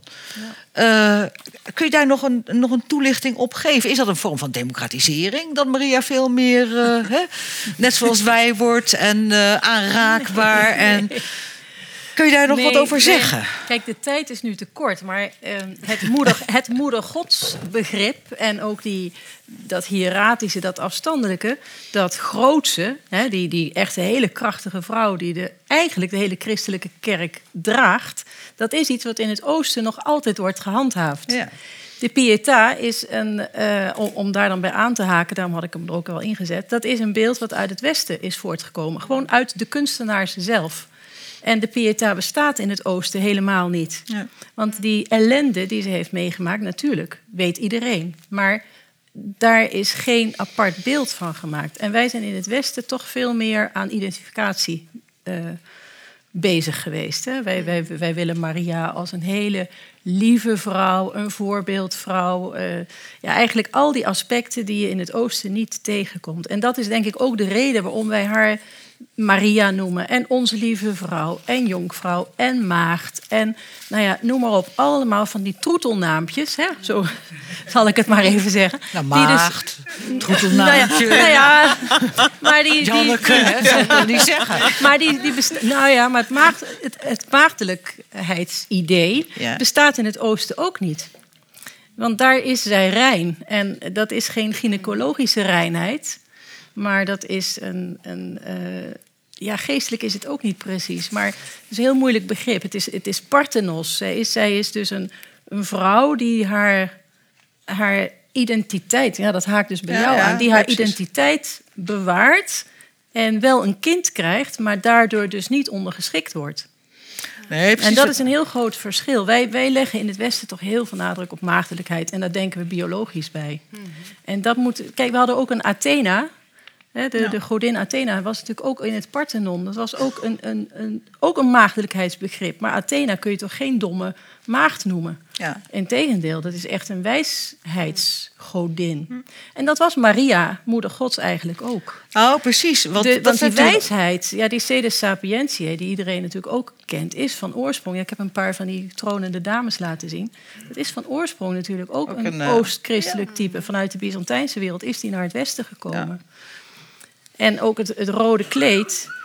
Ja, dat is misschien nu heel erg wat ik ga zeggen. Maar de paus wilde dus eigenlijk niet meer dat Maria in een rood kleed werd afgebeeld. Punt 1 was dat te veel macht. Want dat was keizers, keizerinnen tegenover de paus. Hè, die natuurlijk ook een dubbelfunctie bekleedt. Maar anderzijds was dat purper een symbool voor wijsheid. En een vrouw met wijsheid, nou doe maar blauw. Veel veiliger, ja. Ja, ja. Ja, Het ja, is, eh, ja, maar ja. dat is, dat, is- Dus is dat- heel dat andere een verhaallijn. compleet andere- Als ik dan, nee, maar ook een hele andere verhaallijn als dat troetelige. Zal ik maar zeggen. Mhm. Want de, zeg maar, de verhaallijn zoals je hem nu zegt, ook, ook iconografisch, heeft veel meer te maken met macht. En verschuiving van macht. En dat Maria te veel macht zou hebben in eh dingen. En dat die, eh, zeg maar, die, die, die, die, die, die, autonome betekenis die aan die maagdelijkheid eh, gehecht was. eh, die, die is langzamerhand tot een soort mo- moralistische eh, ver- verworden, zou je dan kunnen zeggen. Hè? Ja. Dus het is een dubbele lijn. En Janneke, wil jij er misschien nog op inhaken? Want jij pakt dat element ook wat Ja, op, die hè? lichamelijkheid. Nou ja, om eerlijk te zijn, ik voel me een soort Maria-analfabeet. eh, zeker naast jou. Dus ik zit, ik, ja, eigenlijk zit ik hiervan te smullen. Dus, dus het weinige. en ik merk ook heel erg, dus het beeld wat ik Ja. wel heb van Maria, dat is enerzijds gevormd door eh, mijn protestantse achtergrond, maar inderdaad ook door die westerse. eh, traditie. Dus ik heb inderdaad wel eens eerder gehoord dat in die traditie van het Oosten, dat Maria daar ook zo machtig is, omdat zij nog teruggaat naar het dodenrijk om daar de laatste eh, verdwaalde zielen op te halen. Dus dat, dat ze ook in die zin machtiger is. Ehm, en dus ja, voor mij is het natuurlijk. eh, ik zit ook op het puntje van mijn stoel. Ik vind dit, eh, dit is heel interessant. Ja. En dit zijn ook echt dingen die, die nieuw voor me zijn. Ja. Maar die, die aansluiten bij dat punt waar jij, waar, waar jij het powervrouw benoemt, dat zeg maar de kritiek op een bepaalde opvatting, op, op heteroseksualiteit, op die familiale context, hè, zeg maar vanuit Ja. die indecent theologie. Ja. Ja, dus hier zit natuurlijk ook Ja, een dus enorm aanknopingspunt in. Dus dat eh, ook in die autonomie eh, en een andere interpretatie inderdaad van die reinheid, dat is, eh, ja, dat, dat vind ik heel spannend. Ja, dus het gaat me inderdaad ook om eh, wat zit er allemaal in Ma- Maria? Ehm, wat zijn de aanknopingspunten om anders naar haar te kijken? Ehm, En dat vind ik heel erg leuk. Nou ja, jij vertelde ook terecht hoor, dat, dat Maria misschien door iemand verkracht zou kunnen zijn. Maar dat is een, een, een beeld wat in het oosten nou ja, niet, niet op die manier wordt, eh, wordt volgehouden. Maar er wordt wel gezegd, het was een Romeinse soldaat. En die man die heette toevallig ook nog Panthena. Waardoor je natuurlijk ook die, die woordspeling krijgt Ja, met. Parthenos Ja. en Panthena. Ja. En ja, eigenlijk tot en met de vijfde, ja, begin vijfde eeuw had men deze, deze vertelling ook nog. Dat die engel een, ja, dat was een beeldschone jongen, een engel van een soldaat. Ja, Oh, oké. dus, ja, dus, eh, ja. ja. Nou ja, ja, er zijn dus een heleboel verhalen. En ik denk dat die in het Westen eruit gefilterd dat- zijn. Ja. Dus wat ik Eh, er ook zo interessant aan vind, is dat... Dat, dat eh, vroege christendom was, sorry, ja, nee, dat vroege christendom was veel, veel ehm, realistischer, Ja, ik het maar ja, ja. Maar wat ik ook spannend aan vind, is dat wij... Dus je hebt nu, eh, zeg maar, ik noemde al even Buma. Dus je hebt zo'n idee van, wij zijn hier vrijgevochten. Onze vrouwen zijn vrij. Wij zijn veel verder. En die mensen in het oosten. En nu heb je... Dus dit is ook zo'n zo'n geval Ja, ja. waarin Maria groter is. En waarin dat verhaal over lust en seksualiteit... eh, net wat minder preuts is dan bij ons. Dus dat... Nou ja, ik, ik smul ervan. Het stoelt op de Grieken, hè? Ja. Ja. Ja. Ja. Of het effect heeft op de positie van vrouwen in de Oosterse kerk. Dat is natuurlijk een heel ander verhaal, hè? Ja. Dat, eh, want dan, dan, dan, wordt, dan krijg je bij Katrien weer een hele andere invalshoek... die duidelijk die power-dimensie benadrukt. Eigenlijk op al die elementen die, eh, eh, die niet in het klassieke beeld horen. Ja. Nee. Nee. En ik vind het wel interessant, ook waar Desiree mee begon, van dat dat beeld, dat de, de manier waarop Maria afgebeeld is zo belangrijk is. Want ik heb natuurlijk niet vanuit een iconografisch perspectief onderzoek gedaan, maar gewoon met de vrouwen die Maria vereren, die van haar houden. En dat vanuit dat perspectief blijkt dat het zoveel uitmaakt. Of ze er als moeder uitziet, of als de Maria van Loerden uitziet. Of, dus die, die trend van om Maria dan meer in die huiselijke tafereeltjes af te beelden... om haar dichter bij de mensen te brengen, om die devotie makkelijker te maken. Dat kwam heel duidelijk in mijn onderzoek ook terug. Doordat eigenlijk de, de, de afbeelding van Maria waar de mensen mee opgegroeid zijn. En dat kon ook de Maria van Lourdes zijn, maar dat kon ook zo'n Limburgse Maria zijn. Een hele lokale kapel die ver- waar verder niemand voor gehoord heeft. Dat was de, hè, de Maria, die, de powervrouw en de Maria die macht had en die ehm, geliefd was. En dat was puur omdat mensen daar van jongs af aan mee opgegroeid waren. En die door het hele leven lang naar de verhalen geluisterd hadden. Met die de geboortes in de familie had meegemaakt. De naar de problemen had geluisterd. Mee had helpen oplossingen zoeken. En dat, dat viel, of die kracht van Maria, dat viel of stond eigenlijk met de manier waarop ze eruit zag. En waar ze Maar hoe ze eruit zag dus. Ja. Ja. En ja, eruit zag, dat hing weer af van waar ze aanbeden werd. Hè, van de plek waar ze stond. Ja, ja, want je hebt natuurlijk ook eh, be- bedevaartsplaatsen, verschijningsplaatsen... waar de Maria wel heel keizerlijk, eh, eh, ko- koninklijk is, eh, verheven enzovoort. Maakt dat dan nog wat uit voor jouw vrouwen? Want wij maken nou dat onderscheid. Hè, de- en we kennen aan de, en interessant is dat we aan, de, aan die beelden, of die, die, die keizerlijke beelden, die onafhankelijke beelden, kracht toekennen. Hè? Terwijl bij jou, jij zegt eigenlijk, dat maakt niks uit. Jawel, juist wel. Wat maakt het wel uit? Want ik denk eigenlijk dat ik zo'n keizerlijk beeld zou laten zien... dat ze misschien niet eens Maria erin herkenden. En, Dus de ehm, krachtige beelden zijn minder krachtig. Dat ja. is dan wel weer tragisch. Ja. Ja, nee, ja, maar, dat is, de, ja, Ja. maar dat is Ja, dus maar dat precies maar de vraag. Hoe je het beeld interpreteert natuurlijk. Ja, maar dat is ook hoe je ermee opgegroeid Ja, bent. ja, Als jij precies. alleen maar zo'n blauwe jurk ziet... dan Ja. weet je helemaal niet dat ze ook in het purper gekleed zou Nee, kunnen nee, zijn. nee. Maar het is wel opvallend dat ze telkens een kroontje op haar hoofd heeft. Dus ook bij die, bij die eh, plaatjes die je Ja. net liet zien... heeft ze Ja. wel een kroontje op haar hoofd. Ja, maar dat is gewoon Dus omdat dat dat is- dat, het- dit beeld is krachtig, omdat die vrouwen daar in Afrika mee zijn.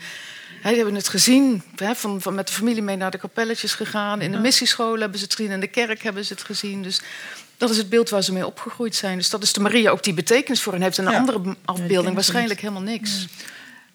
Maar ze zijn, zijn, ze zijn niet opgegroeid met een beeld van Maria als een voorbeeld voor ongehuwde vrouwen. eh. Oh nee, nee. Nee, dat bedoel, dat daar zit toch wel Ja. een grote spanning Ja. in. Tussen, zoals we het, eh, zeg maar, toch van de heilige familie. Want daar zijn ongetwijfeld in. Afrika ook plaatjes van. Ja, ja.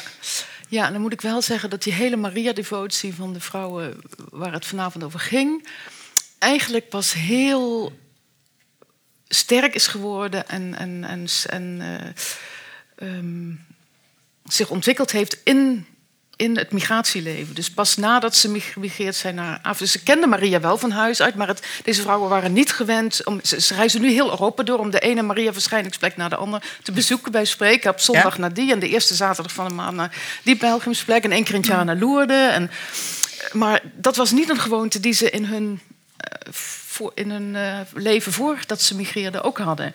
Dus wij zijn wel met Maria van Lourdes opgegroeid, maar daar was het meer. Zei ook van daar ging ik eigenlijk meer voor de lol naar de kerk, hè, voor het plezier en voor het uitstapje en om mensen te met mooie nieuwe kleren te showen.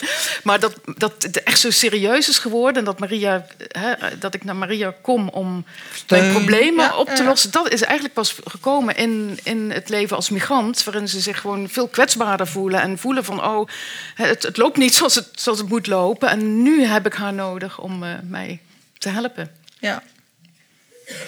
Want dat zei je eigenlijk een aantal keren in je, in je verhaal van die betekenis van Maria. Als migranten zitten ze hier in een marginale positie, mm. hebben het ontzettend zwaar. Mm. Hè? Gewoon verantwoordelijkheid voor de kinderen, mm. de familie thuis, mannen in geen velden of wegen te bekennen.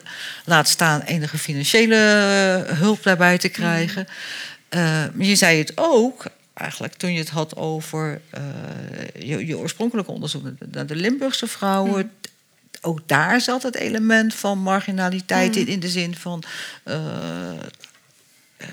kind verloren, mm. in een complexe situatie, ziekte enzovoorts.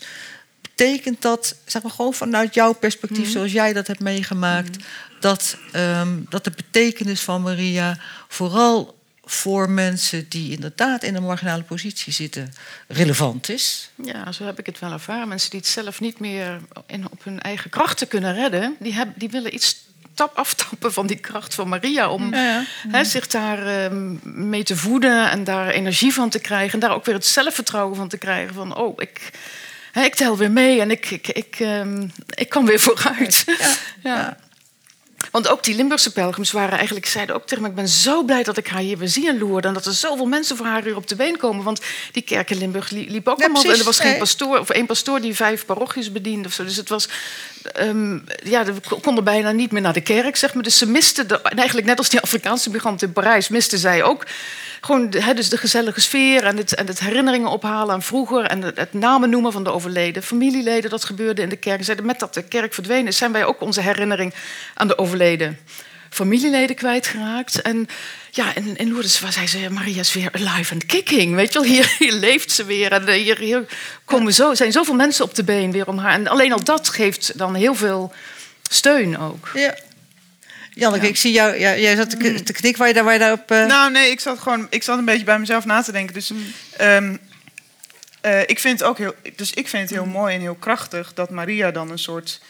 Uh, of dat dat ritueel rondom Maria geeft hen kracht mm. om, om verder te gaan. Dat hebben ze ook nodig. En tegelijkertijd denk ik, uh, Maria wordt dan ook een soort copingmechanisme om om te gaan met een situatie van marginaliteit. Mm. Uh, en als ik dan denk aan het Magnificat, dat wil gewoon de wereld vragen. Ja, ja, ja, precies. Dus, um, dus ik snap ik kan natuurlijk helemaal niet zeggen vanuit mijn veilige positie: jullie moeten dat niet doen. Dat zou ik ook niet doen. Maar ik zou wel zeggen: um, Maria zou ook kunnen zeggen: uh, hoppatee, de machtige van hun troon. Mm. Uh, je, mm-hmm. dus, dus die, die, die marge, um, jullie moeten eigenlijk uit die marge of die mm-hmm. wereld moet omgedraaid. Dus dat is een. Ik denk dat het allebei nodig is. Dus die, die vrouwen hebben ook een verhaal nodig wat een kracht geeft en rituelen. En er is ook een verhaal nodig tegen de machthebbers die zeggen: hey, hoe zit dat eigenlijk?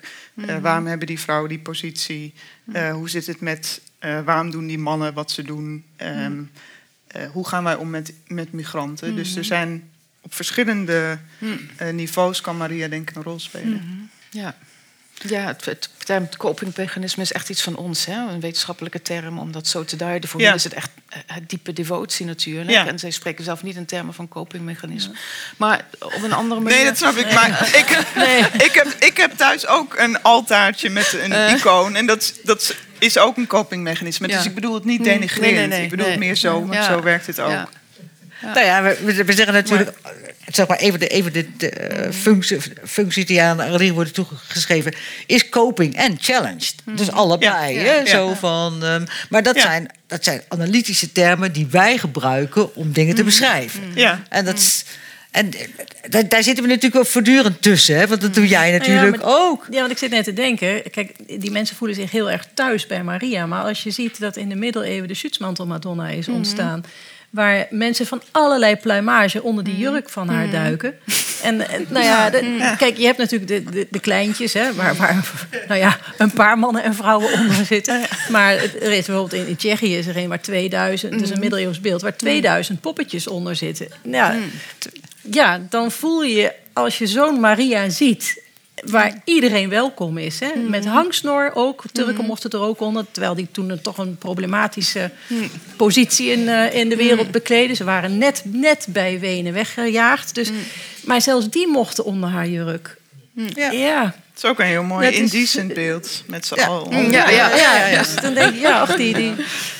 Zij helpt iedereen. Iedereen Ja. is welkom. Ja, ja, ze discrimineert Het maakt niet uit. Ja. Nee, nee. en dat van- was ook wat, wat de vrouwen met wie ik sprak steeds zeiden: van Maria is zo anders dan de kerk. Want de kerk, Maria veroordeelt Ja, nee. niet. Ze Nee, neemt mij gewoon het. zoals Ja. ik ben. Ze heeft geen regels. Ze zegt niet dat het fout is wat ik doe. Ze heeft er gewoon begrip voor. Ze heeft het verdorie zelf meegemaakt. Ja, dat is ook de kracht van haar. Kijk, die, dat, die kerk is een instituut met alleen maar mannen. Dus daar, je ziet steeds grotere afstand tussen de gewone gelovigen en niet-gelovigen inmiddels al meer en de kerk. Maar Maria blijft. Want Maria is toch een soort universele moeder.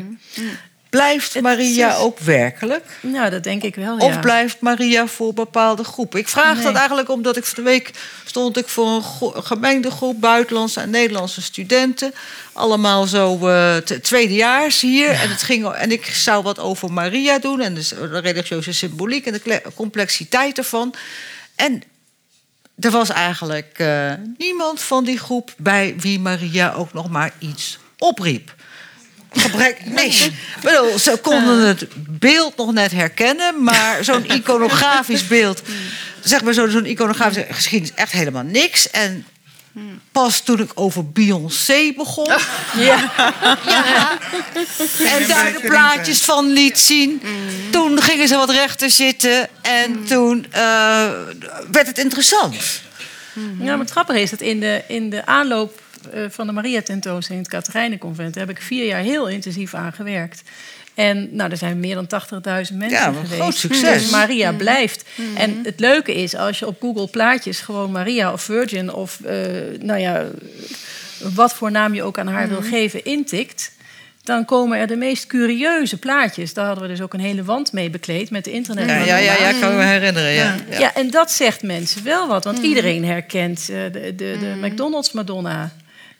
En, en, en inderdaad Beyoncé. En tatoeages met Maria. Ja, ja, ja. Het, ze, ze gaat niet meer weg. Ja. Maar vraag is wat het betekent, hè? Zo, eh, maar dat is natuurlijk altijd moeilijk. Maar, maar ik mag nog toch nog even op die, die spanning tussen aan de ene kant ehm, Magnificat, eh, wat, wat zeg maar in een, in een, in een bevrijdingstheologische, feministisch-theologische traditie staat. eh, natuurlijk wel oudere wortels, maar dat is een, een veel meer theologische benadering van Maria, om het zo te zeggen. Die voor een eh, deel eh, eh, mee uitgedragen wordt door het instituut Kerk en voor een deel door die bevrijdingstheologen ook als een kritische tegenover wordt gesteld. Dat lijkt bijna haaks te staan op die devotionaliteit waarin eigenlijk heel andere type beelden naar voren komen.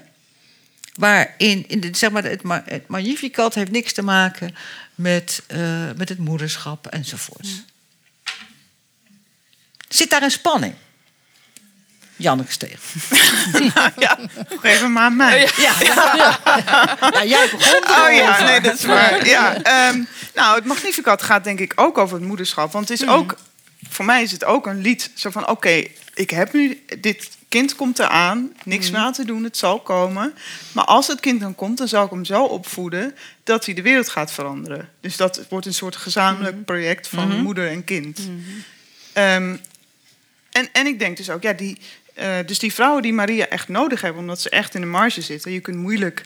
ehm, dat zijn wel de stemmen die uiteindelijk eh, voor ver- verandering kunnen zorgen. Maar dus ik vind ook niet, ik vind dat niet een bevrijdings. Dus ik vind theologie is veel te theologisch en zou veel maatschappelijker moeten worden.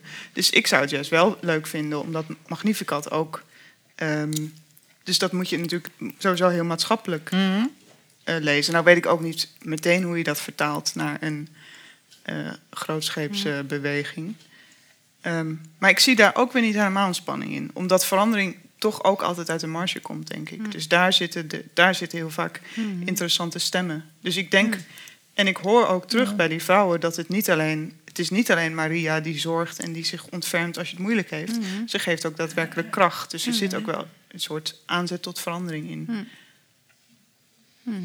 Nee, die steun is meer dan zussen, hè? Ja, Ja. absoluut. Ja. Nee, ja, eigenlijk biedt ze, ik had het over dat die, haar thuisbasis een enorme infrastructuur heeft. Maar eigenlijk heeft ze in heel Europa een enorme infrastructuur aan wegen die allemaal naar haar verschijningsplekken leiden. En waar die vrouwen dankbaar gebruik van maken door op een hele legitieme manier hè, dat eenzame leven thuis in die Ja. Parijse appartementen te ontvluchten en gewoon on the move te zijn en haar, en, hè, haar overal op te zoeken en overal een voordeel uit te halen. Dus ze, hè, Maria biedt meer dan alleen steun, ze biedt gewoon ook materie, zeg maar, en eh, infrastructuur om, om En naar buiten te infrastructuur, gaan en- dan bedoel je ook bijvoorbeeld... je kan redelijk goedkoop met de bus eh, naar... eh, Ja. Ja. ja, dat is Ja. goedkoop. Ja, bedoel, Ja. Nou, ja, maar dat is toch natuurlijk belangrijk. Je Ja. kan redelijk goedkoop met de bus naar die... eh, Ja, en dat, en dat is allemaal geregeld. En, en als je daar aankomt, zijn er rituelen. En hè, daar, daar kun je een paar dagen eh, bidden of, of souvenirtjes kopen of wat je ook wil. Om hè, weer naar de familie thuis terug te sturen. Om op zo'n manier voor je familie te zorgen. Je neemt die gebeden weer mee en dan vraagt Maria daarna. Ze weet ook precies wanneer, op welke tijd in het jaar, welke, waar Maria het, het machtigste is en het krachtigste is en de meeste hulp biedt. Dus eh, ja, het- het- dat, dat biedt ze de vrouwen toch ook. Hè? Dat Ja. is toch meer dan alleen maar steun. Ze biedt gewoon een, een, eigenlijk gewoon een hele Europese structuur om eh, te reizen. Ook heerlijk om eruit te zijn Ja. even. Ja, Ja. All inclusive. ja.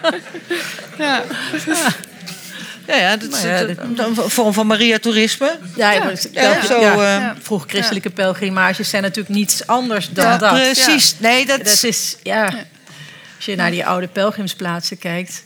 waar ook de herbergen en de souvenirshopjes allemaal uit de grond reizen. Ja, nee, precies. We hoeven er niet te min het over te niet, doen om die... Het is niet, niet nieuw, nee. Nee, nee, precies. Het is niet nieuw. En misschien is ook is wel de heel- vraag, hoe laten wij ons dan uitdagen door dat verhaal van Maria? En als inderdaad, eh, dus ik vind het, dus de agressie van Maria vind ik interessant. En hoe komt het bijvoorbeeld dat eh Sylvana Simons als zo agressief eh, wordt gezien? En zouden we haar als een soort hedendaagse Maria kunnen zien? En zo ja, eh, wat doen we daar dan mee? Dus dan komt het ook wat dichter bij ons en wat verder af van eh, die Afrikaanse dames die toch al eh, hun ding doen met Maria.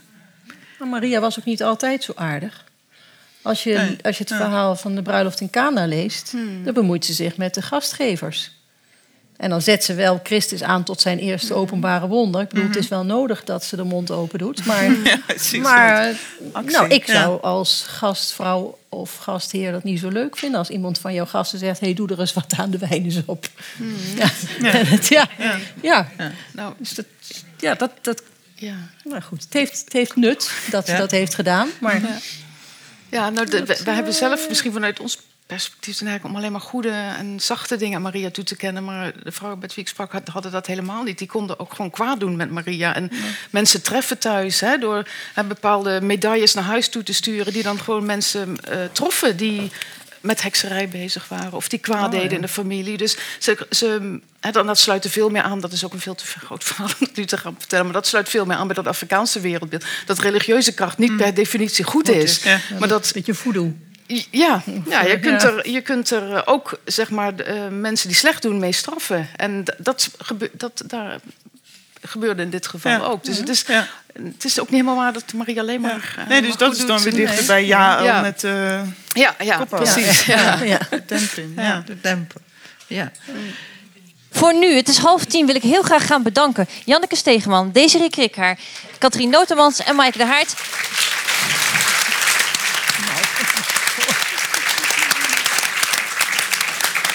En natuurlijk, last but not least, even apart, Fransje Broekema, voorlezer. Dank voor uw komst. Foto's, verslag, podcast komt allemaal binnenkort op onze website. En eh, mocht u het een leuke avond hebben gevonden, dan kijkt u nog eens op de website van Radboud Reflex, want we organiseren nog veel meer. Wel thuis, het cultuurcafé is nog open, dus wilt u nog napraten, dan kan dat.